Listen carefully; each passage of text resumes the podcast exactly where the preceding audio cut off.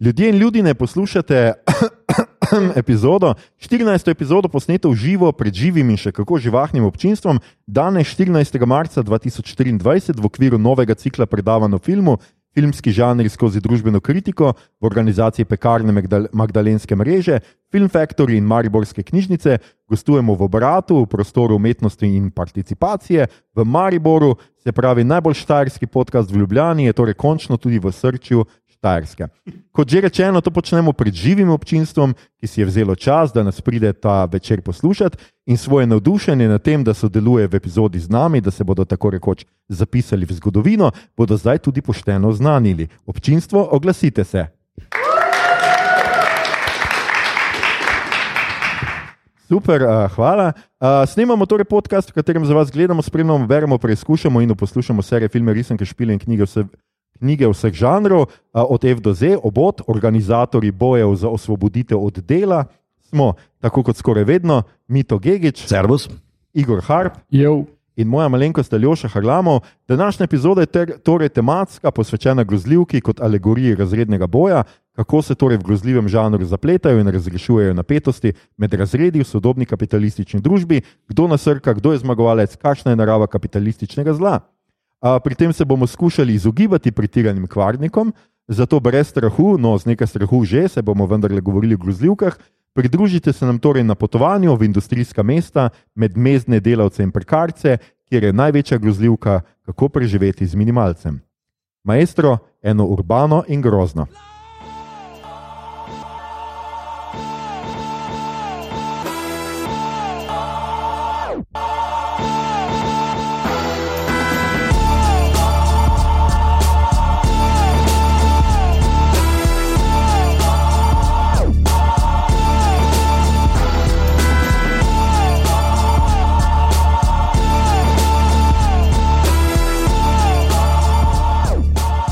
Okay, skratka, danes govorimo o uh, grozljivki, o tem, kako neka sodobna grozljivka um, upoveduje razredni boj. In mogoče nekako za začetek spregovorimo ene par besed o tem, o čemer poslušamo zadnja leta, predvsej uh, o uh, elevated horror. Ne? Zdaj se v sodobni grozljivki govori o.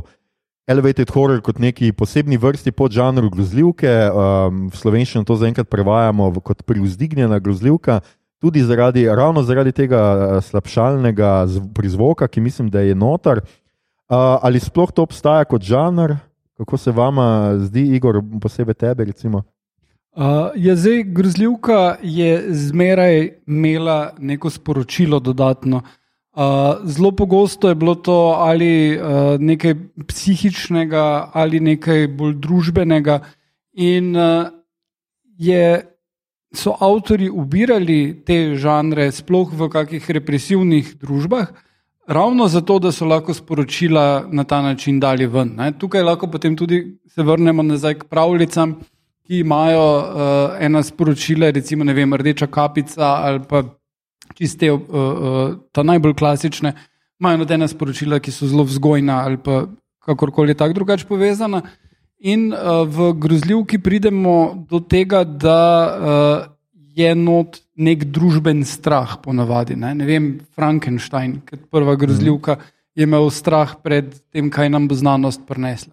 Um, in uh, Dracula, potem, vse uh, uh, o teh stvarih smo že večkrat razpravljali. Zdaj pa, če pridemo do privzdignjene grozljivke, so pa to dost bolj kot strašljivi filmi, so umetniški filmi, ki imajo nadgrozljive elemente in pri katerih ni bistvo, da te bo šokiral z tem, kar prikaže, ampak s tem, kar ti ugotoviš o družbi in o sebi, potem, ko si film pogledal. Ja, meni se zdi, da Zraven tega, kar sem omenil, je še tudi en level ne, in to je ta marketinški level.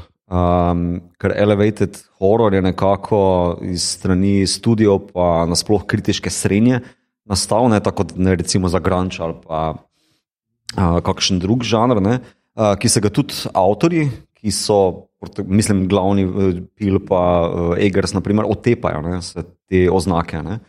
Uh, meni osebno je to nekako hibrid. Uh, Pil tudi sam reče, jaz ne delam horor, jaz v bistvu delam resen film, mogoče celo art film, ki se poslužuje tropov in klišejev horor žanra. Uh, tako da tudi on nekako, um, mislim, če bi zdaj to apliciral na samo to definicijo, ki si jo ti podal, je nekako tak vmes med uh, avtorjem, uh, avtorskim filmom, pa med nekim marketingom, ki ga seveda razumem zdaj za predvsem take majhne študije kot navadi producirajo te filme, low budget filme, ponavadi. Um, da je fajn tudi razmišljati potem uh, znotraj tega okvirja. Ne? No, mislim, kar se pila tiče, ne, ne glede na to, kako je on si zastavil film, uh, posnel ga je pri studiu, ki dela zgolj horror filme. Ne? No, to, ja. Ja, jaz mislim, da je Mito tudi začel, oba sta začela pač pomembno temo. Jaz mislim, da seveda Elevated Horror ima en velik problem, ki je najprej to, da seveda že zelo dolgo obstaja žanr, podžanr hororja oziroma grozljivke, ki se mu reče art horror, se pravi umetniška grozljivka, potem imamo recimo tudi seveda psihološko grozljivko ne? in kako so zdaj te nove, eh, nove grozljivke eh, drugačne od tega v resnici ne vem. Ne? Uh, in to, kar je Mito začel, seveda po tistem, ko je grozljivka zapadla v neko letargijo okrog leta 2000, ne, ko, ko nismo imeli ko smo imeli zelo malo dobrih, uspešnih primerov grozljivk, še posebej pa takih grozljivk, ki bi pripeljali ljudi v kino, se mi zdi, da, je, da so študiji pač rebrandali grozljivko kot elevated horror, tudi zaradi tega, ker se jim je zdelo, da bo tako pripeljali več občinstva v kino. Ne? Ker za elevated horror vsi govorijo, da je to grozljivka za tiste, ki ne marajo grozljivk. Ne? Skratka, da to ni grozljivka, ker bi bilo veliko krvi, uh, ampak bolj deluje na nekem psihološkem razvoju liku, na filozofskih temah, to, kar si ti, uh, Igor, povedal. Drugače pa recimo um, zdaj le se predvsem kritiki seveda pripirajo, kje bi bil sploh začetek tega prezdignjenega hororja. Ker to so včasih povezovali z japonsko grozo, ne z J-grozo, oziroma japonskimi grozljivkami, z italijanskimi džalo grozljivkami, potem je bilo uh, gibanje nekih transgresivnih filmov, na prelomu tisočletja, ki ga tlačijo s tem noter, novi ekstremizem, filmi Gasparja Noela in pa srpski film, recimo ena, ena taka uh, Srđana Spasojeviča, uh, kjer je pa šlo v bistvu za bolj ali manj za izrazito nazorne podobe nasilja, pa zlasti spolnega nasilja. Um, in pa zdaj se pač to povezuje predvsem z uh, grozljivkami studija A24, ne, uh, kjer so tudi izumili nekako elevated horror, ampak tako kot je mi to reko, ne večinoma se vsi otepajo tega izraza, zato ker dejansko vsebine ni. In mi, kar bomo danes govorili, dosti tega, kar bomo mi govorili, je spada v ta podžanr prizdignjene grozljivke. Jaz mislim, da ni. Jaz mislim, da je tu še en element, ki se noter povezuje, namreč da ne samo seveda ta komercialni vidik študijev, ampak tudi to, da se je grozljivka revitalizirala s tem, da se je z tem art filmom, skratka, da so to dajali nekim res uh, režiserjem, ki so pač avtorji, se pravi, ki so avtori, ki delajo avtorski film. In da ti režiserji seveda hočejo kompleksne like, kompleksne zgodbe, to pa ne gre čist dobro skupaj z stereotipi grozljivke. Ne, ne moreš ti imeti ženske junakinje, ki pomankljivo oblečena, skače po hiši in kriči in beži pred morilcem, če seveda ti hočeš imeti kompleksen lik in, prikazati, in ne biti stereotipen in pač prikazati, da se tudi ženska lahko upre uh, neki grozi. Ne. Tako da jaz mislim, da je bolj s tem povezano, ampak definitivno je to nekaj, o čemer jaz mislim, da treba govoriti. Še en moment je, ki pa ga ne smemo pozabiti, je pa tudi ta snobizem. Zdaj, elevated horror je seveda tudi za kritike, ki drugače vihajo nos nad grozljivkami, hvala Bogu, Igor ni tak. Uh, ampak ja, veliko, se veste, veliko filmskih kritikov pač uh, kinodvor, kinoteka, ne bi pa ravno šli v kolosej, naj počiva v miru. Uh, in, uh, ampak in jih ne brigajo grozljivke, ne? so zelo vzvišeni na tem, da pa elevated horror, je pa nekaj, kar je izgovor, da pa zdaj oni pa to lahko gledajo. Uh, tako da, ja, mi, kar bomo danes govorili, je seveda dosti elevated horror, ampak tudi dosti ni. In pa predvsem jaz upam, da nismo elitisti in bomo lepo uh, vse te filme predstavili tako, kot si zaslužijo. Uh, mogoče začnemo, seveda, da naš klonat, ker je klona tema uh, razredni boj oziroma prikaz razrednih razlik v grozljivki, uh, bi začeli mogoče z Get Out, z mhm. Veži, ker je tudi to uh, eden od teh filmov, ki je najbolj, naj, najpogosteje predstavljen kot mogoče eden od začetnikov tega prizdignjenega uh, groze. Se pravi, zanimivo je, ker ponavadi ljudje povezujejo z Veži kot je slovenski prevod, večinoma z rasno napetostjo. Kje je tukaj razredna napetost? Mito, A, jaz? vprašanje Ja, ja, za te. Ah, fuck. um, v bistvu zdaj, evropocentrično v bistvu razlagati eh, ameriško rasno napetost je problematično že samo po sebi, ampak eh, da se Ampak, pa. ampak britanski igralec v glavni vlogi. Sure, Se eh, obnese. Se obnese, dobro, ampak to je druga stvar. Ko jaz začnem temu razlagati, bo mogoče bolj problematično. Uh, ne, um, seveda je to v bistvu uh, zelo ameriško specifično. ne. Um, predvsem par scen je zelo jasnih, zelo jasno zastavljenih, naprimer ta scena z uh, policajem. Upam, da ne rabimo obnove za ta film. Um, pa tudi našim poslušalcem se upravičujem, da bom kar skakal malo naokrog. Ker ja, ta film se seveda obada z rasno problematiko, uh, posameznikom pa ni zgolj nekim bigotry ali kako se že temu, kako bi te prevedel v slovenščino. Torej, ena na ena sovraštvom, Nestrpnostjo, proti, nestrpnostjo proti. Drugi manjšini, ampak z eh, pil pokaže sistemski rasizem ne? preko policaja, preko uh, rečemo temu upper middle class uh, razreda, ki izkorišča, povabi, zlorabi temnopoltega za v svoj prid. Če pa greš korak dlje, ne, uh, pa mogoče lahko za nas bolj zanimivo branje, predvsem v tej, tem kontekstu, kot ga imamo danes v razrednem boju, oni ne grejo zgolj na uh, temno, oni se ne polestijo zgolj temnopolte osebe, oni se polestijo telesa. Ne. Ta skupina ljudi, uh, v katero v bistvu koluje vstopi, ne, ta njegov lik. Um, Oni se polestijo njegovega telesa, zato ker se oni nekako uh, uselijo na Vanga v, preko tega, kako se že reče, the, kako že space, the, the other, ne, the drops. Kratka, oni ga hipnotizirajo, Mhm. da v bistvu potem naselijo van svojo dušo, svoj um, kakorkoli, in nekako furajo neko nesmrtnost. Ne. V bistvu zdaj marksistična kritika ali pa branje tega bi bilo, kao kapital se reproducira, nek razred, kao najde novo telo, v katero najde kao eh, nosilec, ki se potem lahko seli naprej. Ne. Njim gre naprimer na živce, da on kadi. Zakaj jim gre na živce? Zato, ker želijo zdravo telo.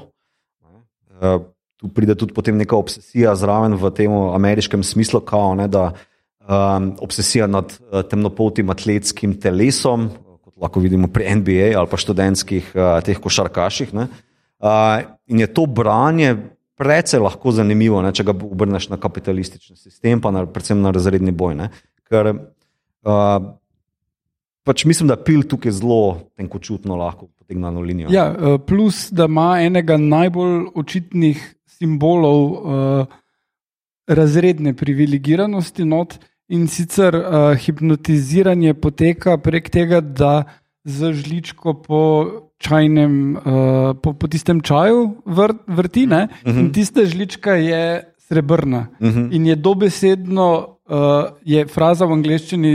To be born with a silver spoon. Spoon, ja, ja, ja. In uh, uh, se mi zdi, da je en tak očiten uh, simbol not dat, pa dost pogumno mm. od avtorja. In ti tudi pove vse, da to ni zgolj rasa, mm. ampak je to, koliko imaš, ko si se rodil. Jaz vse, če pogledaš v ameriško družbo, nasploh v bistvu imaš ogromne neenakosti. Ne? Mislim, da uh, predvsem dohodkov, na dohodkovni ravni. Ne?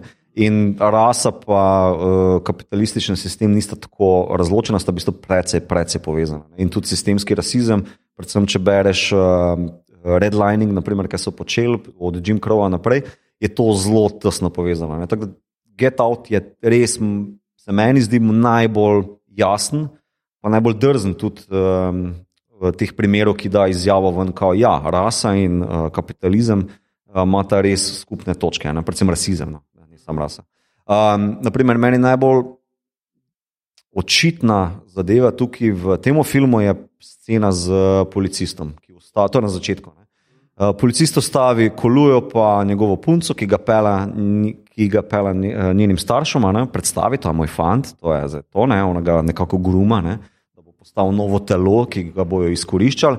Ampak ta scena nekako najprej zapade v to uh, tipično uh, rasno problematiko, ne, kjer policaj ostavi temnopoltega in od njega zahteva uh, vozniški izpit, kljub temu, da sta bistvu ona dva nabasala na srno in je bistvu vse zelo jasno, črno na belem. V bistvu bi ta problem mogel biti rešen, rečemo, evropsko, kao, ne, a ja, srno si zadev, čau, najlepša hvala, upam, da ste ok, čau. Ne. Zdaj pa meni je najbolj zanimivo v tej sceni, da se v bistvu on počuti kot sama srna, nekako mirno, skuša mirno rešiti situacijo, ne gledati v oči, da mu samo skozi, čau. Medtem ko se pa ona, dohodkovno bolj privilegirana, višji razred, višji srednji sloj, začne upirati, ona kriči. Ona ima privilegije in ona se tudi počuti pozvana, da uh, pove svoje. Ne?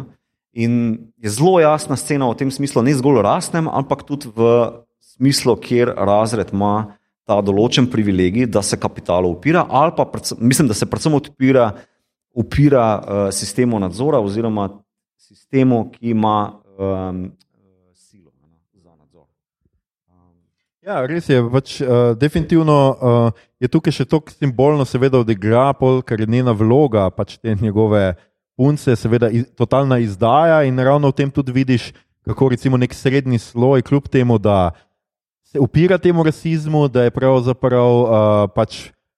Da ona napada tega policista in prepozna to kot rasizem do svojega zaročenca ali karkoli pač sta, ampak seveda samo za lastne privilegije. Uh -huh, uh -huh. Jo boli izguba lastnih privilegijev, hkrati pa seveda bo ona izkoristila to, ja, ja. to telo tega uh, zaročenca in ne na način, na katerega to pričakuješ. Ja, ja, se to v bistvu.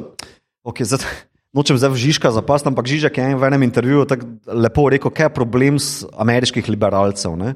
Da v bistvu kao, oni so full pro progresivci, ki želijo biti zavezniki a, manjšin, a, pa vseh problematičnih skupin, ki, v, ki v Ameriki izražajo svoje probleme, a, ampak zgolj do neke meje. To je tista prva razpoka v ameriškem liberalizmu. Ne? Da v bistvu, a, ja, jaz bom glasen, jaz bom podpiral, jaz bom zaveznik, ampak zgolj do tiste točke, ko ne ogroža mojega razreda. Ne? Ker uh, mi smo samo bojevniki v tem smislu, mi smo samo bojevniki v tem smislu, dokler sem lahko zgolj za svoj tip konco ali pa dokler ne ogroža mojega Tesla tam ali kakorkoli. Ja, se Jordan Pil je drugače uh, posnel še tudi As, oziroma mi, ki je tudi nekaj, recimo temu bi tudi lahko videli neko razredno alegorijo v tem filmu, če tudi je ta film, jaz bi rekel, precej precej odprt za pomene, no in je marsikaj, kako si ga lahko razlagaš, ampak seveda v tem filmu imamo uh, neko družino, ki ugotovi, da obstajajo neki dvojniki, njihovi dvojniki, ki so jih zdaj prišli nadomestiti in da se to dogaja po celi Ameriki, bolj ali manj, kot smo uspeli ugotoviti. In seveda ta, ta dvojni, ti dvojniki so neki, ki so rasli nekje v podzemlju in so. Čak, kako so že neki so delali, ne? Skratka, so imeli, jedli so zgolj zajce. Tako jedli so zgolj zajce, zdaj kaj to točno pomeni, si ne znam razlagati, ampak skratka, tukaj gre seveda tudi za nek strah pred neko brezimno množico. Uh, dobesedno nekoga, ki iz dna družbe pride, da te bo zamenjal v tvojem lepem, urejenem domu. Uh, se mi tudi zdi ena taka uh, fina, fina paralela. Zdaj, najbolj prepoznaven med temi filmi, ker tudi prihaja do neke te zamenjave, pa strahu med obema razredoma, je seveda z Oskarjem nagrajeni uh, Parazit, um, oziroma v uh, originalu Gisang Chung, uh, Bong Jun Hoja. Um, tam imamo pa tudi. Um, Ravno ta film, recimo, marsikdo ne bi uvrstil, recimo, niti v grozljivke. Ne, je zelo vprašanje, koliko je tu grozljiv, je v resnici samo nekako konec, vmes bi lahko to bila srhljivka, mogoče bolj ne. Ampak, recimo, mi smo to vseeno vzeli, ker ima neke elemente odprtega nasilja, oziroma zelo nazorno prikazanega nasilja, In, je, in tukaj se, to, uh, se točno to zgodi. Ne? Skratka, spet je nek strah višjega razreda pred, uh, pred nižjim, ampak tukaj je to prikazano stališče nižjega razreda in dejansko vidiš njihovo zvitost, podjetnost, uh, uh -huh. sposobnost preživetja uh -huh. in točno te, tega nekega. Da so oni tudi v resnici predstavljali neko resnično nevarnost. Ne? Ta nevarnost ni, je zelo konkretizirana. V bistvu je nevarnost Če vse tri filme zauzameš uh, v zakup, rečeš, je nevarnost vertikalne mobilnosti. Ne? Uh, ker v, tako v AS neko, nekdo pride od spodaj na vzgor, tako v Get Out uh, privilegirani razred potisne nekoga v ta sunken place, tako se reče. Ja. Sunken place. Uh, uh, potisne nekoga navzdol, v parazitu imaš pa zelo jasno izražene v fotografiji te paralele, uh, gor pa dol. Uh, ko oni pridejo v ta bogatunski uh, dom, Uh, je nekdo še v tisti kleti, naprimer, to je tista prva jasno izražena vertikala. Oni živijo v kleti, kjer gledajo samo od nosu na vzgor, na tisto cesto, ko pride do onega groznega naliva v uh, uh, mesto, če spremljaš tisto celo sekvenco, uh, oni non-stop letijo po stopnicah navzdol. In je genialno posneto mm. ravno to, v bistvu, kako se poslužijo te zelo naravne smeri. In mislim, da je tukaj tudi lepo izražena ta vertikalna mobilnost, ki za njih predvsem teče, želijo si navzgor, ampak vedno jih pa najmanjša katastrofa potisne navzdol. In tudi ko groza, naprimer, se meni zdi v tem filmu, ko oni odkrijajo še nekoga manj privilegiranega, slabše um, financiranega, kakorkoli, pa ja. ekonomsko situiranega v tisti kleti, oziroma onega moškega, ne, ki je v bistvu tam priko, prikovan na poslu, ne, uh, da ima te grozne elemente noter. Ne. Podobno je v bistvu tudi uh, samo kasneje napisano, ne, ta pojavnost razrednega boja na čisto vizualni ravni, Snowpiercer. Ne. Sicer ni vertikala, ampak je v bistvu premikanje navzgor po vlaku. Ne. Iz zadnjega razreda naprej na vzgor do lokomotive, kjer je pač veliki kapital prebiva in srka svoje. Um, tako da, ja. ja isti avtor je. Ja, tudi isti avtor je, ampak recimo zdaj uh, super je mito povzel temo, prvo temo prvih filmov vertikalne mobilnosti. Uh, zdaj mogoče, če gremo um, v eno umestno, uh, umestno temo, ki pa je podobe mesta oziroma uh, neke te mestne. Um, tudi neke vrste mobilnosti, nekjer je ta vertikalna mobilnost, ki si ti mi to menil, tudi pri Snowpierceru, je seveda odlično. Uh, v metafori vlaka, ker vemo, da imamo tri razrede, uh -huh. sicer slovenski vlaki imajo samo en razred in vsi zamujajo. Uh, ampak um, tukaj pa imamo recimo dva, dva filma, ki sem jaz zbral, It Follows, zelo za petami in Candyman, kjer imamo pa veliko govora, recimo v Candymanu o gentrifikaciji, ampak Če recimo, zato, ker smo se o tem v avtu že pogovarjali, mogoče eh, pa, pa bom jaz povzel, recimo, zakaj jaz mislim, da je zelo za petami, spada točno v to, tudi v to razredni boj. Ker tam imamo, če se prav spomnite, to je grozljivka, v katerem um, se neka groz, grozljivi element, skratka, nek lik, ki ti sledi in te bo slejko prej ubil. Uh, uh, ti si ga nakoplješ na svojo grbo, s tem, da spiš z nekom, ki mu je prej sledil. Skratka, ti se lahko, seveda, potem tudi znebiš tega zasledujoče entitete, tako da spiš spet z nekom dalje. Ne? Ampak to, da je grozljivka umeščena v Detroit, razpada v Detroit, Detroit uh, iz katerega skratka so uh, uničili, uh, ker so kapitalisti z izvažanjem delovne sile uh, v, na, seveda na, v Azijo popolnoma uničili mesto. To ni na ključje. Uh, jaz sem bral veliko interpretacij, ki govorijo, seveda, najbolj enostavna interpretacija tega je, da gre za spolno prenosljivo bolezen, se pravi AIDS ali pa kakorkoli AIDS, mogoče je že, malo smo ga že pozabili, ampak še vedno je tukaj. Uh, ampak uh, mogoče bolj zanimiva interpretacija pa meni ta z Detroitom, ker gre pravzaprav za razpad mesta. Ker ti razpad mesta, oziroma ta razkroj, ki ga vidimo skoraj v vsakem posnetku, te suburbije, pa tega uh, downtowna, um, ti nekako sledi skozi življenje in se ga nikoli ne boš znebil. In je pač nekaj tudi, kar, kako se te mesto in ta nek uh, eksistencialistični angst in obup in neka pravzaprav totalna brezizhodnost, kako se te lahko polasti, samo zaradi tega, ker si rojen v napačnem kraju. Ker je pač ta kraj industrijski in so delavci odvisni bili od tovarn, ki jih zdaj ni več. Ne? In se mi zdi ta, ta ideja zelo dobra.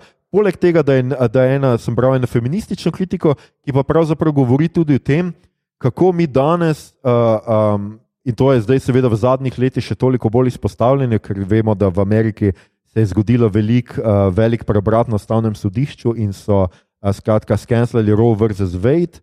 In uh, uh, mnoge američanke oropali uh, zdrav, zdra, zdravstvene storitve, uh, uh, splava. Um, je seveda, da je za nižje sloje uh, seks veliko nevarnejši kot za, uh, za više sloje. Ne? Skratka, seks pri nižjih slojih ni brez posledic, nikoli brez posledic, posebej pa nek ta casual teen sex, se pravi nek. Uh, En one night stand, zakaj vse to v angleščini? Skratka, neko s, s tem, da spiš z nekom, ki ga nekje srečaš, kar seveda lahko zanosiš, in potem je to ti uniči lahko celo življenje. In tudi iz tega stališča se seveda to da interpretirati, Ker seveda vemo, ne, da bogati bodo zmeraj lahko šli v Kanado ali pa kamorkoli uh, tudi republikanski senatori, ki svoje ljubice izvažajo in jim plačujejo za splav, to zelo dobro vejo. Ne? Če tudi so prepovedali, uh, prepovedali splav v Ameriki. In se mi ti, zdi to ena taka zelo potentna pač, interpretacija a, tega filma, ki ga seveda lahko preslikamo na, na Candymana oziroma Cukor moža, a, ki pa ima um, spet tudi. Uh, tudi tukaj gremo lahko nazaj v Get-Outovsko rasno uh Mhm. -huh. problematiko, hkrati pa je to problematika razreda. Ja, boste tam kimali, ali bo kaj? Ne, kar ne, Igor. Igor, da poveš. Uh, ne, uh, absolutno se tudi v tem Candymanu 2, ali kakorkoli smo temu reči, od mm. uh, predlani, je ena zelo povedna uh, stvar. No, glavni junak, ki je slikar in je na razstavi, in mu uh, reče uh, ta umetniška uh, kritičarka, uh, sej to je tak kraj, kamor radi pridete, na katere navalite vi ljudje. Ne? In on tako, oprostite, ne? kaj zdaj? Pa on reče, mislim, umetnike. Uh, in v bistvu uh, se gre za to, da pač umetniki se preselijo v degradirana območja, kjer začnejo ustvarjati in ta, uh, s tem postanejo ta degradirana območja kul, cool in potem se začnejo okrog tega razvijati bolj fancy zadeve in se tja začnejo preseljevati. Uh, bogatejši ljudje in ljudje, ki so tam živeli in ki so dajali temu kraju uh, ali pa četrti uh, neko, uh, nek karakter, si ne morejo več provoščiti tam biti in se odselijo. Ne? Zdaj, bodi si, če imajo najemnino, se jim najemnine dvignejo, če, imajo, uh, če so lastniki stanovanj, dobijo bistveno več denarja, ali pa jim nekdo razloži, da njihova hiša ni več varna in da bi morali za obnovo dati več, kot uh, pač si lahko provoščijo. In uh, temu procesu se reče gentrifikacija, in ta drugi Candyman je povsem osredotočen na to. Čim prvi iz 90-ih je dosti bolj zgodba o getu in uh, o tej glavni junakini, ki je uh, študentka novinarstva, ki uh, potem postane ta uh, trop uh, bele rešiteljice, ki se gre žrtvovati za to, da reši tam napoltega otroka. Ampak. Uh, dost, dost bolj zanimive interpretacije potem ponudi ta, ta nov film, hkrati pa ima sta oba dva uh, to nedefinirano zlo tega Candymana, ki prihaja nekje od zadaj, ki je nekak del tega geta, uh, v katerem se vsi pretvarjamo, da so problemi lahko rešljivi, ampak se jih nihče ne spravlja dejansko rešiti.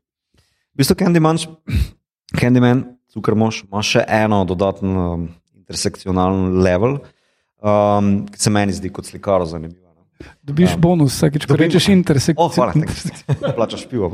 Um, um, ta zahteva, oziroma razočaranje njegovega kustosa, oziroma galerista, ki reče: okay, kje, kje pa je ta tema, a nisi ti tam odraščal, ne? zakaj mi tega ne ponudiš? To je zanimivo, to je super za moje art kupce, ne, za to art galerist uh, elito. Ne, veš, ker zgolj, da ti neko optiko tam le furaš, ni, ni zanimivo. Ti moraš samega sebe prodajati, ti moraš prodajati neko določeno identiteto. In kljub temu, da bi ta slikar je uspešen, on živi v hu, full hudem uh, fletu, ne kljub temu, da njegova žena, slash punca, v bistvu je ta bolj uspešen element v njunem razmerju.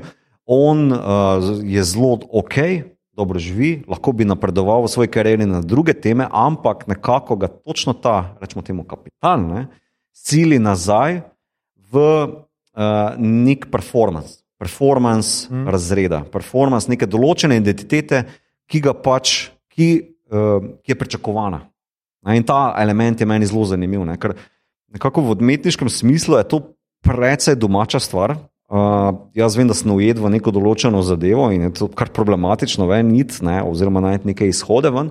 Uh, pri njemu se pa to v bistvu izrazi na zelo grozen način. In mislim, da je en dodaten intersekcionalen level, uh, kako v bistvu on potem postane sama pošast zaradi tega, ne, zaradi tega praskanja po svoji identiteti, po tem svojem getu, po tem revščini, po tem svojem lastnem razredu. Uh, on dejansko potem postane ta monster, ta revanšistični. Ja, pošast je nek, nekakšen v resnici.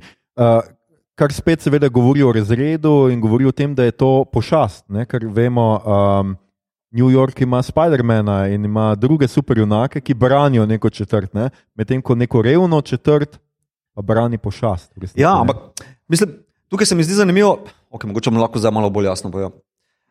Kapital od njega zahteva kao neko um, sterilno podobo tega. Ne? Veš, krona slika kao tega ali Candymana ali pa svojo uh, temnopoltost, svoj razred na nek zelo sterilen način, zato da se lahko konzumira ob tistem vinčku, pa ob mesku, pa uh, kruhki in tako naprej. sodi v eno suburban oziroma buržujsko stanovanje. No, Ja, ne? točno to.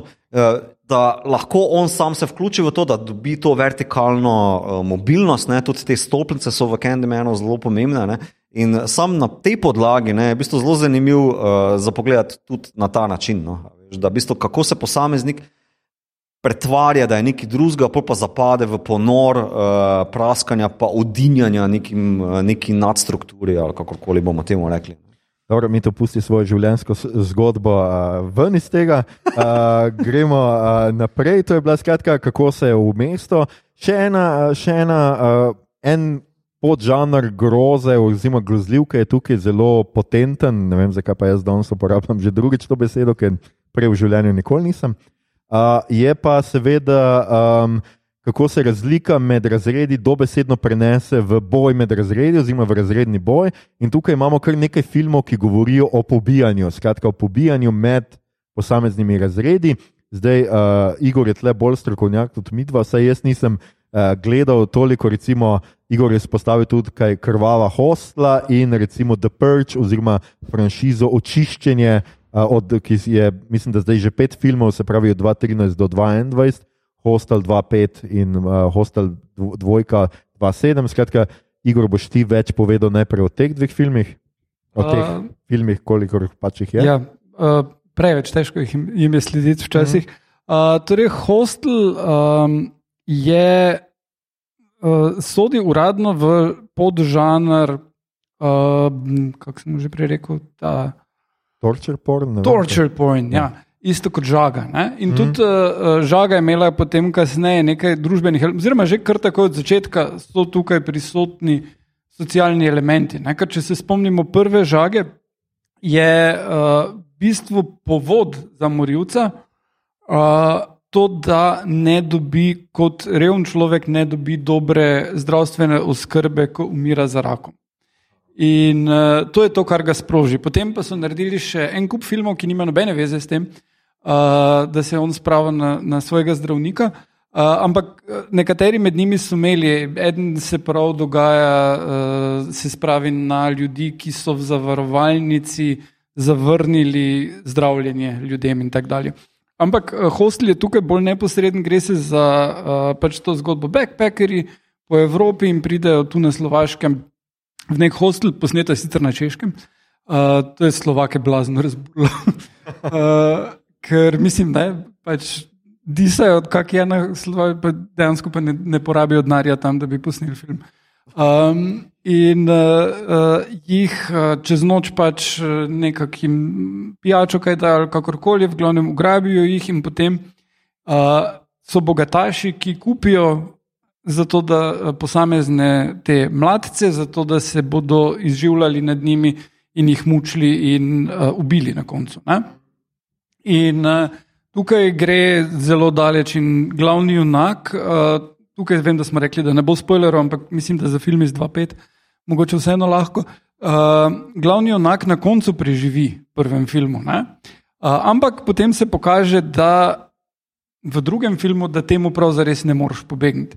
In takoj na začetku drugega filma vidimo njega, kako pride domov do nekega prijatelja, se reši in potem tak, takoj za njim dve minuti je morilec in ga ubije ker on ne sme povedati, kaj se je tam dogajalo. In potem je pa drugi film še bolj zanimiv, ker se zdi sprva, da gledamo isto štorijo, samo da so to podpunce na mesto fantov. Ne?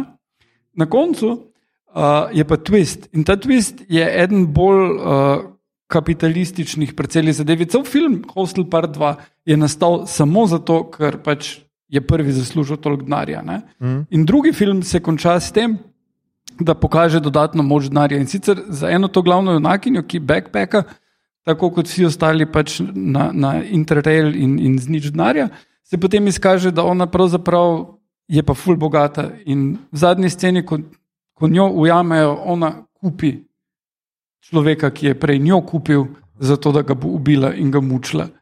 Okay. In to naredi tak. Mm. Zato, ker pač si lahko prvošči. Mm. In uh, se mi je to vedno zdel en zelo, zelo zanimiv twist. Uh, moram pa reči, da tudi je bilo zelo zanimivo po mojim, mojim sosedom, ker se spomnim, sem gledal ta film doma, pa so se mi vrata odprla, pa nisem vedel. Je bilo vse to kričanje in, in vse to direkt poleg lifta. No, no, ampak takrat imaš od sosedov mir, verjetno. Ja, ja.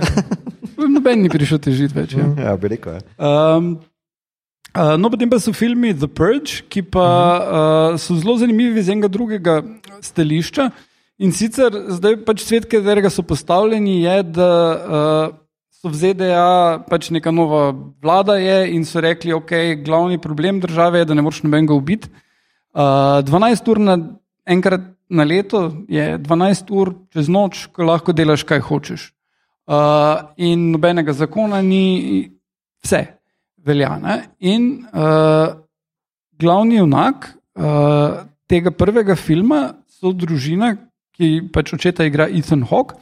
In oni živijo v eni lepi sobrbi, in to uh, so si privoščili, zato ker on prodaja varnostne uh, sisteme prav za obrambo pred pržem. Uh, In potem uh, pač pride do tega, da uh, leti en brezdomec, jih prosi, če ga noč spustijo, hčerka ga noč spusti, potem pa sledijo morilci, ki so tega brezdomca hoteli ubiti in uh, začnejo napadati njihovo hišo, in njihov varnostni sistem seveda ne zdrži. Mm.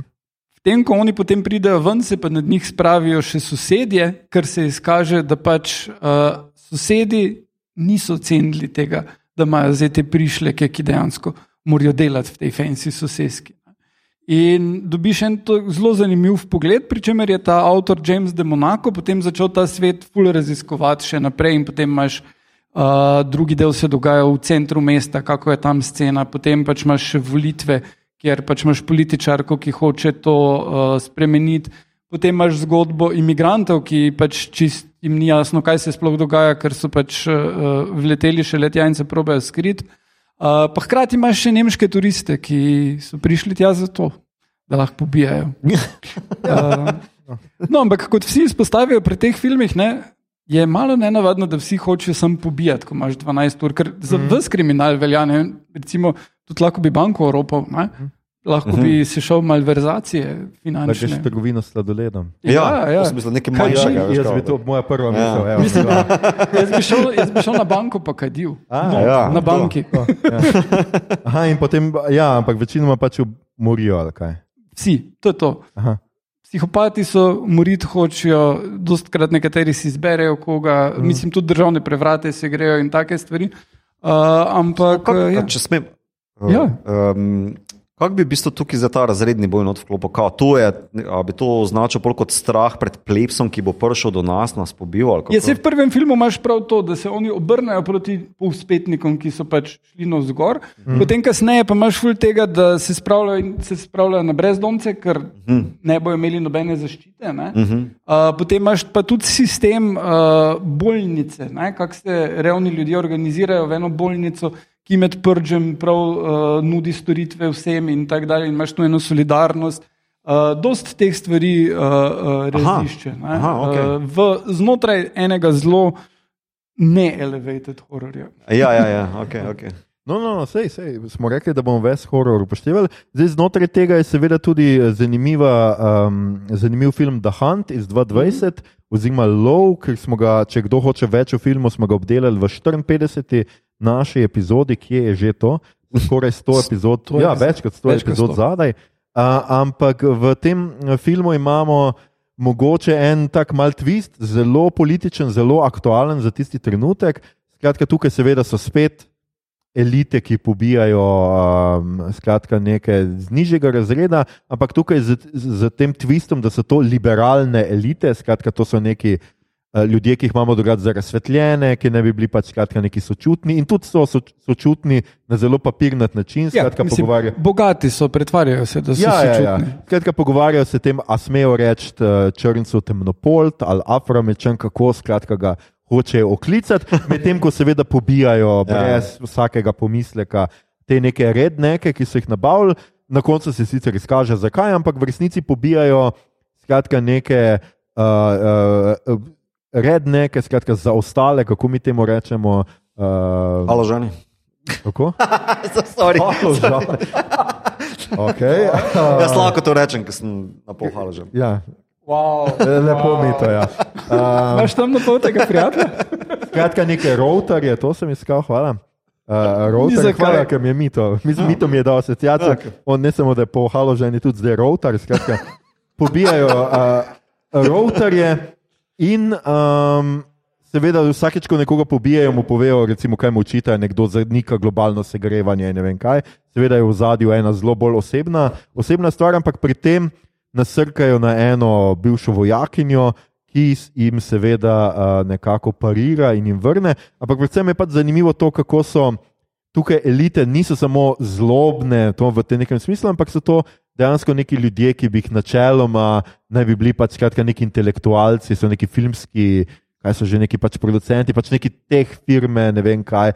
Skratka, taki mali Eloni Maski, ki jih mm -hmm, mhm. res prepoznamo kot totalne uh, psihopate, kot to, kar v resnici so. Ne. Ampak mislim, da je ta film to dobro pokazal. Hkrati je pa seveda ta politični obrat, ker oni, liberalci, liberalna elita, so demokrati, medtem ko so oni načeloma republikanci. Ne. Tudi imenujejo jih kot deplorables, kar je uh, nek. Um, Bil Izraz, ki so ga nadeli Trumpovim voljivcem. Tako, ja. nekateri, ja. Uh, tako, skratka, pobijajo Trumpove volilce uh, na nek način. Ne. Um, Ja, vse film je bil tudi uh, takrat uh, cel halo in so ga umaknili, pol je še pač uh, pandemija vmes udarila. Uh, ampak uh, uh, ja, ja ko, ko, so, ko je film prišel ven, je Trump začel pozivati ljudi, da naj ga bojkotirajo in da naj.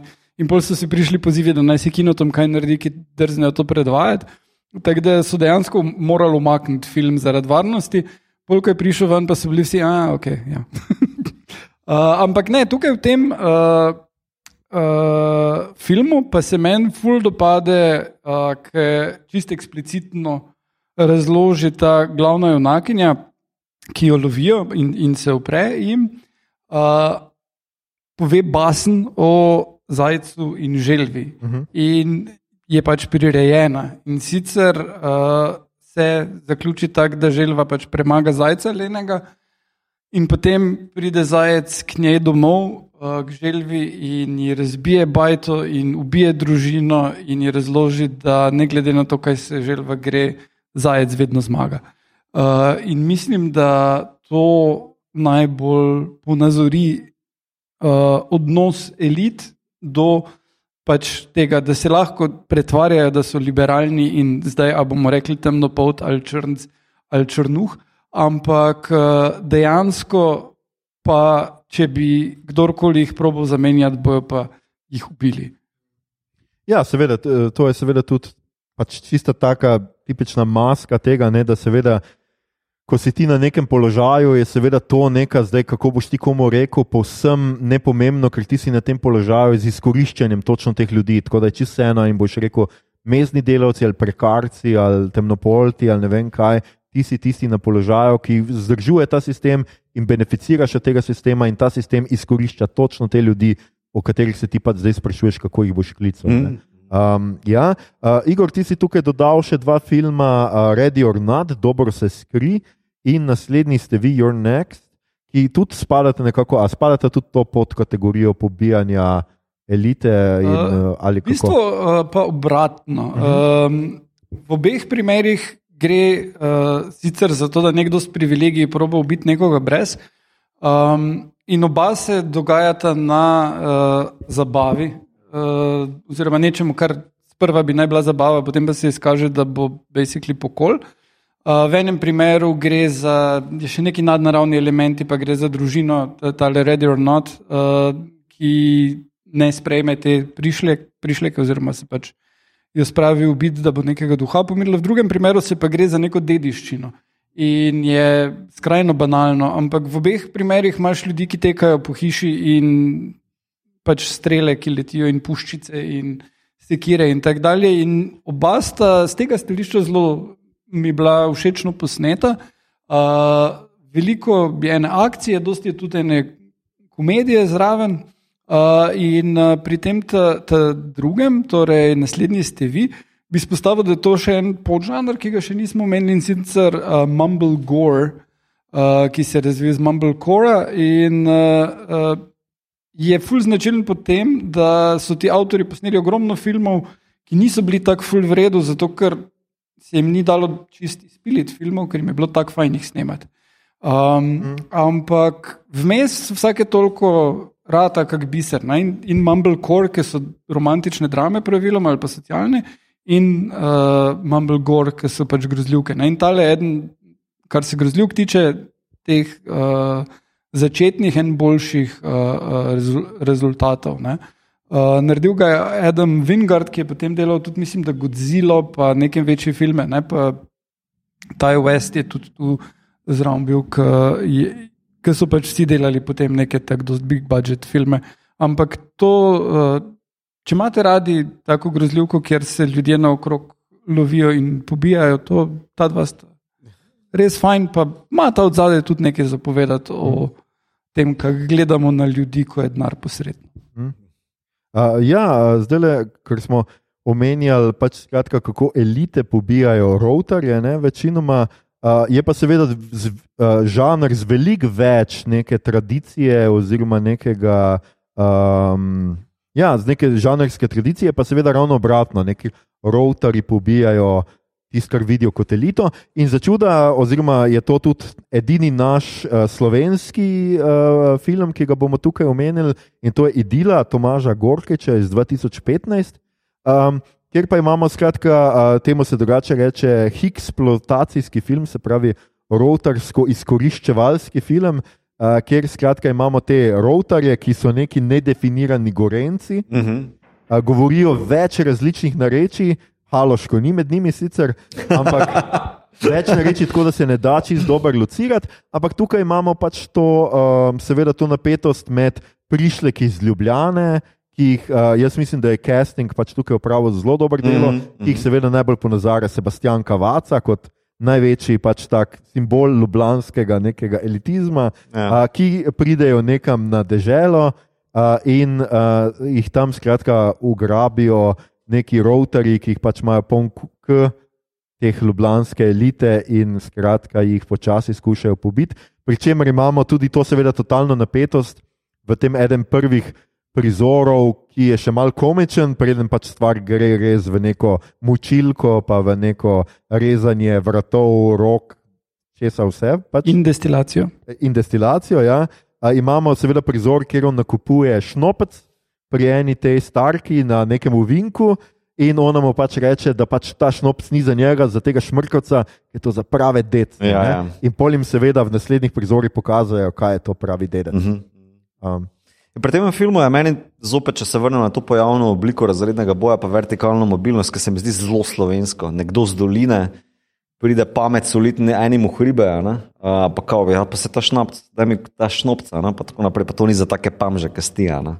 Se mi zdi ta, če se gremo na uh, vertikalno mobilnost, kako se nekdo nekam preseli, pa pride mm -hmm. pamet, solid, pa nekdo, kar je zanimiv za suk, ne? pri nas nekdo na vrhu reče, kao, ta router ta hik slovenski reče, da to pa ni za te spokoj, nazaj v dolino.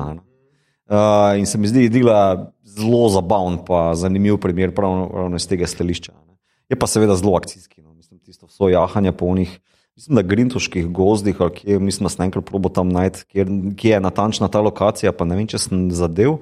Uh, ja, je zelo nedefinirano, ampak meni je to ravno čar. Ne vemo natančno, mm. kje je to. Ta groza pač je tam zunaj, nekje v višavah nad Jurija 500.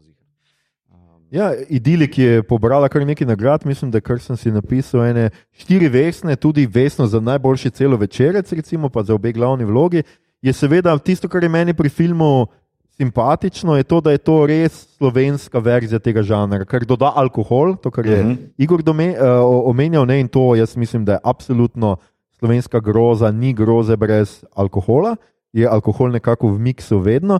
Hkrati pa. Um, doda bi jaz rekel eno tako zelo slovensko spet idejo, ker naslov je idila. Uh -huh, uh -huh. In kaj je ta idila, kako se predstavljamo to idilo, je seveda banjo zamenja harmonika in pač ja, posod je alkohol, in s tem imamo neko perverzno podobo te neke domačijskosti, kot jo predstavljajo nam nacionalistični politiki. Se, Mhm, vsaj meni se pač mhm. tako nekako zdi, ki več čas govorijo, da Ljubljana je leglo zla. Tam so sami geji, tam so sami uh, mamilaši, tam so sami, skratka, neki igravci in tako, kulturniki, paraziti. In potem pač pridejo v stik z nekim echt domačim, ruralnim ja, okoljem. Ljudje na podeželju in tako. ja. Tako, kjer so še pravi, kleni, domači ljudje in tam jih seveda brutalno uh, pobijajo. Mhm, mhm. Ja. Ja, ne, dela je odlična. Ja, ja. odlična je v tem smislu. Dejansko mislim, da si mogoče najbolj zasluži ta naslov povzdignjeni. A veš, ker res je Jurija 500 hribi Mhm. zihar. Ja, zanimivo je, da zdaj, ko, ko ugotavljamo o tem, je zanimivo predvsem to, da se je malo umaknila recimo, iz grozljivk neka tipična kritika potrošništva. Ne? To, kar smo imeli recimo z Romerovimi zombiji, ker so zombiji zelo pogosto v trgovskih centrih in tako naprej. To je nekako zginilo iz, iz grozljivke in je zdaj res ta razredni boj dosti bolj ekspliciten, pač, oziroma je res ta napetosti med. Ja, tu se tudi uh, vključi zadnji uh, Romerov, ta dober, ki je še enega posnel, mm. mislim, da ali dva. Uh, Land of the Dead iz, uh, mislim, da 2005 ali nekaj takega, mm. kjer uh, dobesedno, uh, ker njegove pač se stopnjujejo tako noč, se dogaja takrat, ko se začne vse skupaj. Potem je zora. Uh, to je takrat, ko zombiji začnejo prepravljati in se ljudje še skrijejo v nov, mislim, delujoč shopping center ne, in še elektriko imajo vse. Potem je tretji film bil um, Dan živih mrtvecev, kjer so že prepravili zemljo in gledamo v bistvu uh, vojaško bazo, kjer skušajo najti rešitev, kakršna koli bi lahko bila. Uh, zato, da pridemo ven in ugotovimo, da se je tako zmešalo, ker kak, kakor hitro si vojski prepustil uh, uh, oblast, si zajebil. In potem Land pa se dogaja še kasneje, ko uh, se vzpostavijo neke skupnosti in pač gledamo mesto, ki je Pittsburgh. In uh, so v mestu ljudje, ki imajo povsem kapitalistično ureditev. Denis Hopper je človek, ki je na vrhu, tudi živi na vrhu stolpnice in vse je dosto očitno. Medtem ko so uh, zombiji pa onkraj reke, ne? ker Pittsburgh je zaradi uh, geografske lege odrezan od vseh strani z rekami. Ne? In uh, potem pač zombiji na eni točki ugotovijo, da lahko pridejo prek. Uh, in je to to. In oni, uh, tako kot so v zori, ugo- začnejo hoditi s tistimi shopping karti, ki so pač se spomnijo, da so to nekoč delali. Tako se tam spomnijo, da so nekoč bili delavci, on, ki je na črpalki v teh uh, Ibercugu, uh, zgrabi tisti, tistega francoza in ugotovi, da s tem lahko nekaj dela. In potem grejo in preplavijo mesto, zato pač imaš en dobeseden um, podobo tega delavskih ma mas, ki pač se, se uh, povspnejo nad gospodarjem. Ja, kar je tudi edino prav. Um, uh, in pa mogoče zdaj le zadnji film, ki ga bomo nekako omenili, uh, dokaj razen, če se boste še videli, kaj spomnili. Takega je The Host oziroma Gvoje Mul, kakorkoli se to prebere, gostitelj po slovensko spet Bong uh, Jun uh, Hoja.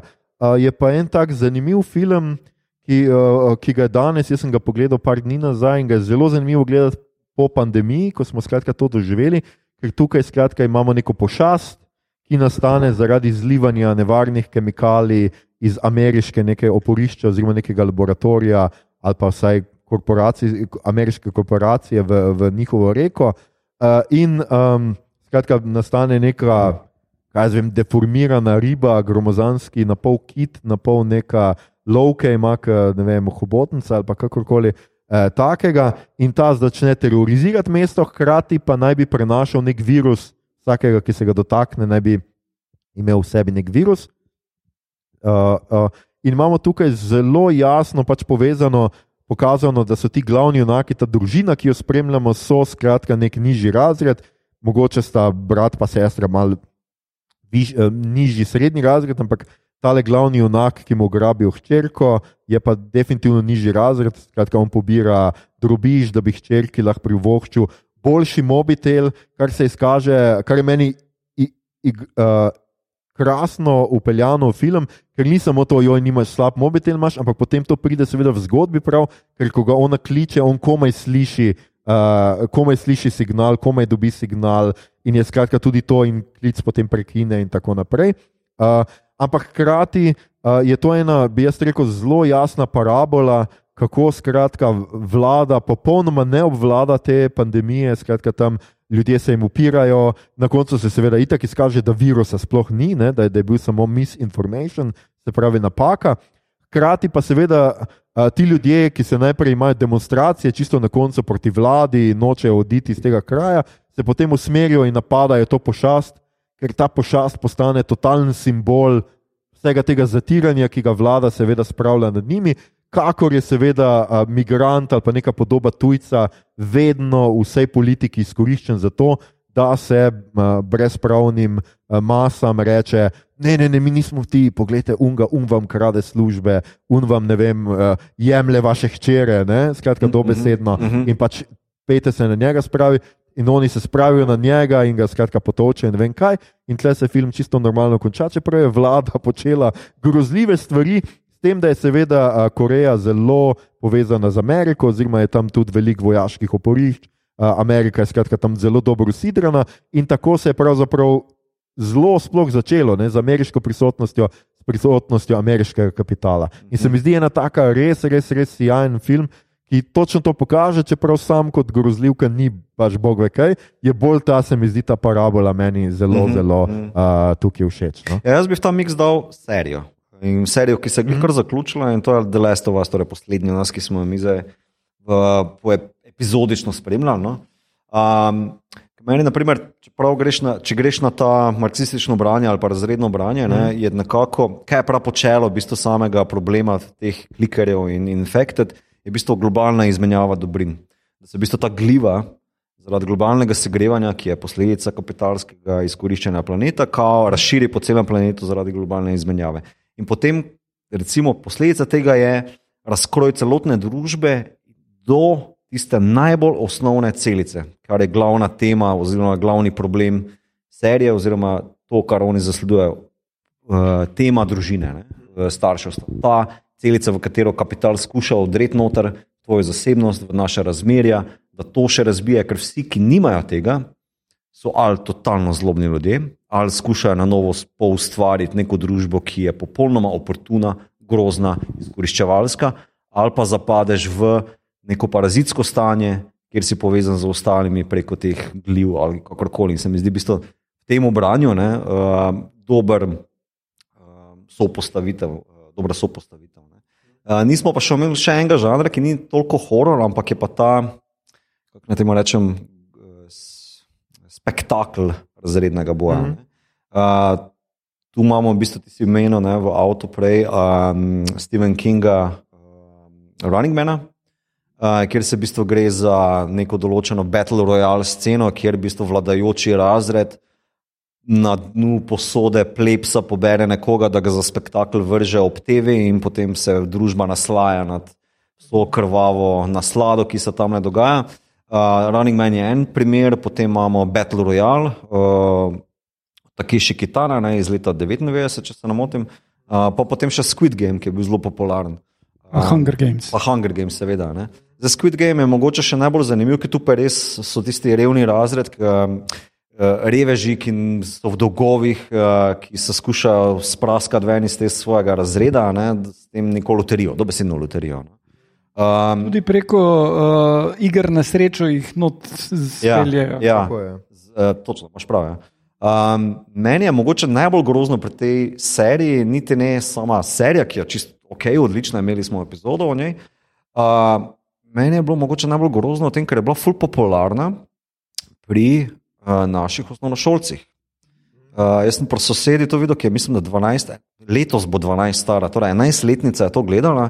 Rekla, jaz niti ne morem tega gledati, ker mi mami ne dovoli, ampak vsi moji sošolci se pogovarjajo o tem, vsi so jo gledali.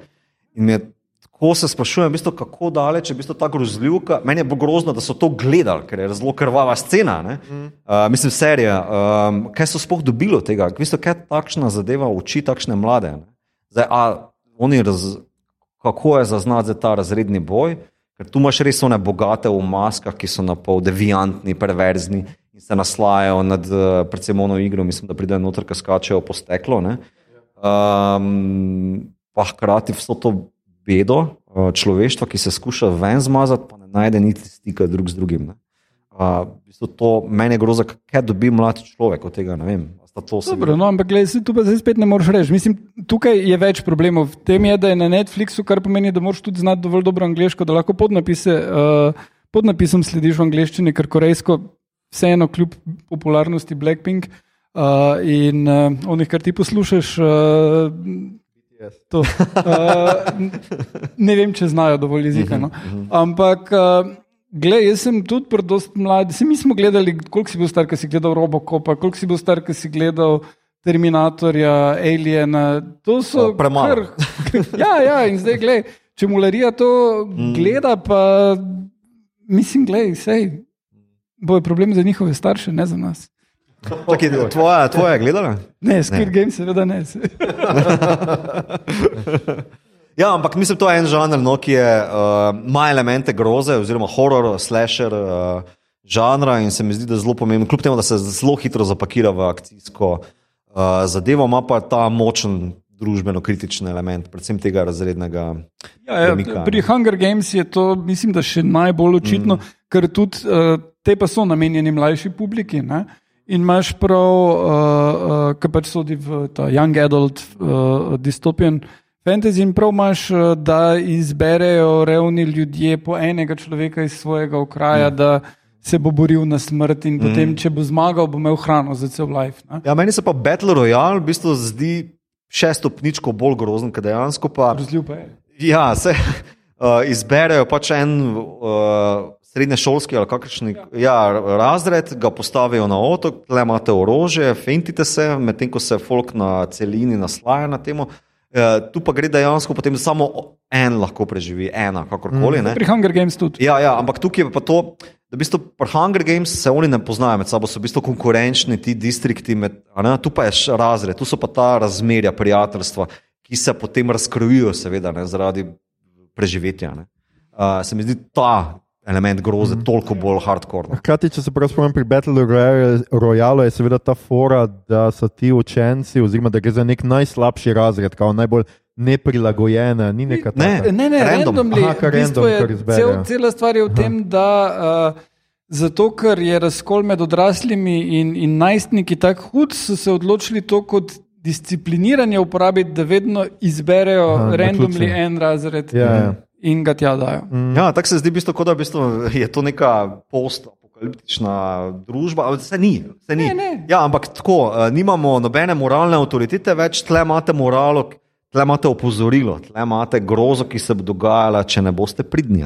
Nek državni terorizem, ne? terorizem kapitala, kakorkoli boš temu rekel. Ne? Ker dejansko pa je vse. Na, na pol azul Evropa, YouTube, televizirano, ne, projicirano potem v domove kot lekcija. Ne. Čeprav meni se z tega stališča v bistvu Squid Game zdi, da je vendarle naredil en korak, ne bom rekel, da ravno naprej, ampak je bolj eksplicitno pokazal, da gre za parabolo kapitalizma. Uh mhm. -huh. S tem, da seveda njih po prvi igri spustijo ven uh mhm. -huh. in jim pač reče, ok, pač, kdo noče biti več sodelovati, lahko gre. Ja. In potem se jih zelo velika večina vrne. Ker kaj, ko pridejo ven, seveda ugotovijo, da kapitalizem je ista isti Hunger Games, uh mhm. -huh. ista uh mhm. -huh. resničnostni šov, v katerem oni umirajo, samo da je mogoče na daljši rok in ni rešitve. Ja, ampak tako v Squid Gameu lahko vsaj prideš do denarja. Ampak razlika za Squid Game je to, da bi sta nekako ta perverzija privatne naslade teh bogatunov. Je zelo ja. očitna. Ono je pa Running Man, naprimer, pa Battle Royale, pa projicirano. Ja, ja, to. Ja. To se mi zdi zelo pomembna. Ja, ker je tam seveda še ta element kruha in iger. Ja, Skratka, mi ja. bomo dis, hkrati celi družbi damo to, ja, ja. gledati pa je mir. Prav ne? to, ali jo ja. entertained. Uh, krik, ja, ja. Ja. Drugače, Squid Game, jaz mislim, da je tudi mladim zanimiv, seveda iz, iz izhodišča, da oni to gledajo tudi malo kot resničnostni šov, mhm. -huh. ki zdaj se zveda prihaja, ne že dolgo so, so snemali. Ta nek resen, resničnostni šov Squid Game, kot vem, sicer nihče ne bo umrl v njem, ampak mhm. -huh nikoli ne veš, to je Netflix. Um, ampak ja, da je skratka to tudi resničnostni šov, ker kaj so resničnostni šovi, če ne točno to, naslajanje nad nižjimi razredi. Ja. To samo pogledajte Slovenijo, ki imaš dobesedno, um, dobesedno, kako je že tisti naslov, kmet išče ženo ali kakorkoli, dobesedno kmetavzarski resničnostni šov, ker točno to, kar mi videli, zdaj govorimo, ono so neki routari, oni zelo, zelo jasno dajo mm. neke routarje v, v oddajo in se z njih cela Slovenija norca dela. Oni pa mislijo, kako bojo preko tega resničnostnega šova pridobili, ne vem, kapital, sanske, vse te sanske ženske mislijo, da bodo potem velike vplivnice, ko bodo prišle ven iz teh resničnostnih šov. Ja, ampak gre, gre tukaj pri teh pravih resničnostih, še, sta še dve stvari pomembni. Prvo je ta, da ljudje, ki se prijavijo, so pogosto ljudje, ki hočejo biti v spredju in ja, so pripravljeni narediti veliko stvari. Zato druga stvar, ki pa je še pomembnejša, pa je. Da uh, so te stvari niso resnične, ne? ampak so scenariji narejeni. Ja, ja, ja, ja. Od tega, da se tem ljudem predlaga, kaj naj Tako. naredijo, do tega, da se jih zmanipulira na razne načine, ne na zadnje skozi montažo. Uh, da se dobi uh, čim boljši efekt. Mm. Scenariji, kaj se bo zgodilo, so napisani in se jim bolj ali manj sledi. No, vsekakor, ampak seveda so ti ljudje pripravljeni pristati na to, zato ker mislijo, da bodo od tega nekaj dobili. In zelo pogosto je tudi to, ne, spet, zdaj smo pa tukaj v obratni idili, ne, ker to seveda ljubljanske produkcijske hiše delajo. In jaz sem se tudi pogovarjal z enim producentom, recimo resničnega šova, ki mi je jasno povedal, da najboljši, uh, najboljši liki, ki jih oni iščejo, so štajerci. So mariborčani, recimo zdaj, ki smo ravno v Mariboru. Ne? Zaradi tega, recimo, uh, pri sanski ženski morajo biti vsaj vem, dve ali pa tri mariborčanke, vedno. To imajo oni zdaj kot pravilo in to je dobesedno norčevanje ljubljanskih elit iz vseh periferije iz katere pa skušajo potegniti, seveda, psihološko, tako kot je Igor rekel, oni zelo natančno poročijo psihološko te ljudi, to so ljudje, ki si res želijo pozornosti mm -hmm. in bojo za njo vse naredili. Ampak spet, tukaj gre, jaz mislim, da za zelo jasno razredno perspektivo, ker jaz še ja, nisem ja, videl noter človeka vem, z iPhonom, pa z uspešnim podjetjem. Vem, zakaj bi se tak človek šel resničnostnega šova? Ne? Ta človek ima zasebnost, ki si jo lahko privošči. V resničnostnem šovu se prodajajo samo ljudje, ki prodajajo svoj zasebnost za, neke, mm. za neko uh, um, pač, uh, kapitalistično igro. Ne? Um, okay, zdaj smo no. morda malo zašli. Ja, ampak prav, ne, ne, šovi, mislim, da smo zdaj definitivno ozdignjeni grozljivke. Ja, ja, absolutno. absolutno. Um, okay, uh, mislim, da smo izčrpali še kdo kakšen film, kakšno serijo, omenil zelo na hitro. Zdaj, seveda, nismo, mi smo se osredotočili bolj na novejše, se pravi po 2000, seveda imamo preteklosti veliko tega, oni živijo, je ena tako zelo, zelo dobra grozljivka, ki kaže uh, kapitalizem, zelo antikapitalistična grozljivka, antipotrošniška grozljivka, še kaj takega, kar smo pozabili omeniti. Poltergeist, vsekakor je mm. ena ta klasika, kjer uh, se gre tudi za zgodbo kolonializma, mm. uh, kot se izkaže. Um, da, ja, ampak. Praktično težko najdeš horor film, ki ne bi imel nekih uh, mm -hmm. teh uh, uh, družbenih elementov. In uh, to se mi zdi vredno, zato imamo rad horor. Ja, ja. Zato ga vsi gledamo, ker smo snobi in imamo elevated. Definitivno grozljivka je, je en tak žanr in je zelo, oh moj bog, že spet potenten. Um, Ne vem, kaj je danes. Um, zdaj pa mogoče ta trenutek, preden seveda zaključimo, preden jaz povem avtoro, še tukaj je kakšno javno vprašanje, ki ga bo uh, kdo od vas, mislim, ki ga ja. bo povedal v mikrofon in ja, ja. predlagam ja. Igorju mikrofon, zato ker ga imam jaz tako blizu, da ga zelo poljubljam. Pa mogoče, če kdo, ki ima kakšno vprašanje, potem seveda naj ga izgovori v mikrofon, zato tudi za naše poslušalce, ki bodo to polet poslušali vprašanja, vsaj javnega ni, potem počakajte, da zaključimo, pa seveda lahko pristopite do nas ali pa vprašate, kaj, kar ne bo cela Slovenija slišala, ker valjda nas vsi poslušajo. Um, ljudje in ljudine, uh, to je bila že naša, ne vem, katera epizoda, definitivno pa 13. epizoda v živo. Poslušali ste podcast.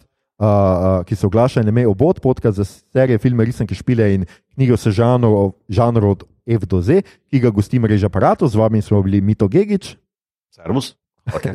Igor Hart, ja. da še enkrat pozdravimo publiko jo. in Aljoša Harlamo. Uh, tole epizodo smo posneli v Mariboru kot prvo živo epizodo, ki smo, ki jo smo jo kadarkoli snemali v Mariboru. Zato se vsem gostiteljem še enkrat, pekarni Magdalenske mreže, Film Factory, Mariborski knjižnici, zahvaljujemo za njihovo gostoljubnost.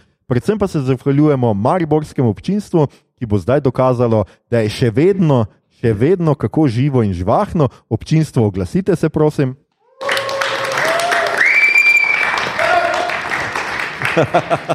To niso bili predsmrtni kriki, ampak navdušenje. Uh, mi smo se imeli fino, upamo, da ste se tudi vi in da to pomeni, da nas boste še kdaj povabili. Če vam je bilo všeč, kar ste danes slišali, delite, všečkajte naš podcast, naročite se nam preko vaše najljubše aplikacije oziroma ponudnika podcastov, dajte nam kakšno ceno na Apple Podcast ali Spotify, spremljajte platformo aparatov z odličnim izborom podcastov za vsakega in Če vas bodo v prihodnih dneh naraščajoče cene hrane in stroškov, najemnine, elektrike, ogrevanja in komunali, ter na drugi strani povsem nepremične mezde potisnile v morilsko besnilo, zaprite oči, preštejte do deset, če vam pomaga, si predvajate tudi kakšno meditativno glasbo, ter dobro premislite, ali motorna žaga, ki je sicer sjajna sila in vam prihrani veliko dela, ampak potrebuje gorivo, pa lahko zašteka, ali ni vseeno boljša dobra stara sekira, ki je sicer naročni pogon, ampak kaj, a vam bo morilskega besa zmanjkalo? Kako hitro vam ga prižgite dnevnik, seznanite se z novimi cenami goriva in takoj boste dobili novo moč za sekanje privilegiranih vratov. Zapomnite si samo to, podcast obot je na vaši strani, ker je to prava stran zgodovine.